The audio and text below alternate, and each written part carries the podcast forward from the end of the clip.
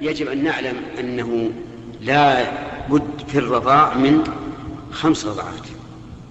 ما دونها لا أثر لها فلو ارتضعت امرأتان طفلتان من من امرأة مرة واحدة أو مرتين أو ثلاث مرات أو أربع مرات لم تكونا أختين.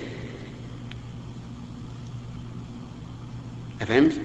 وعلى هذا فيجوز الجمع بينهما.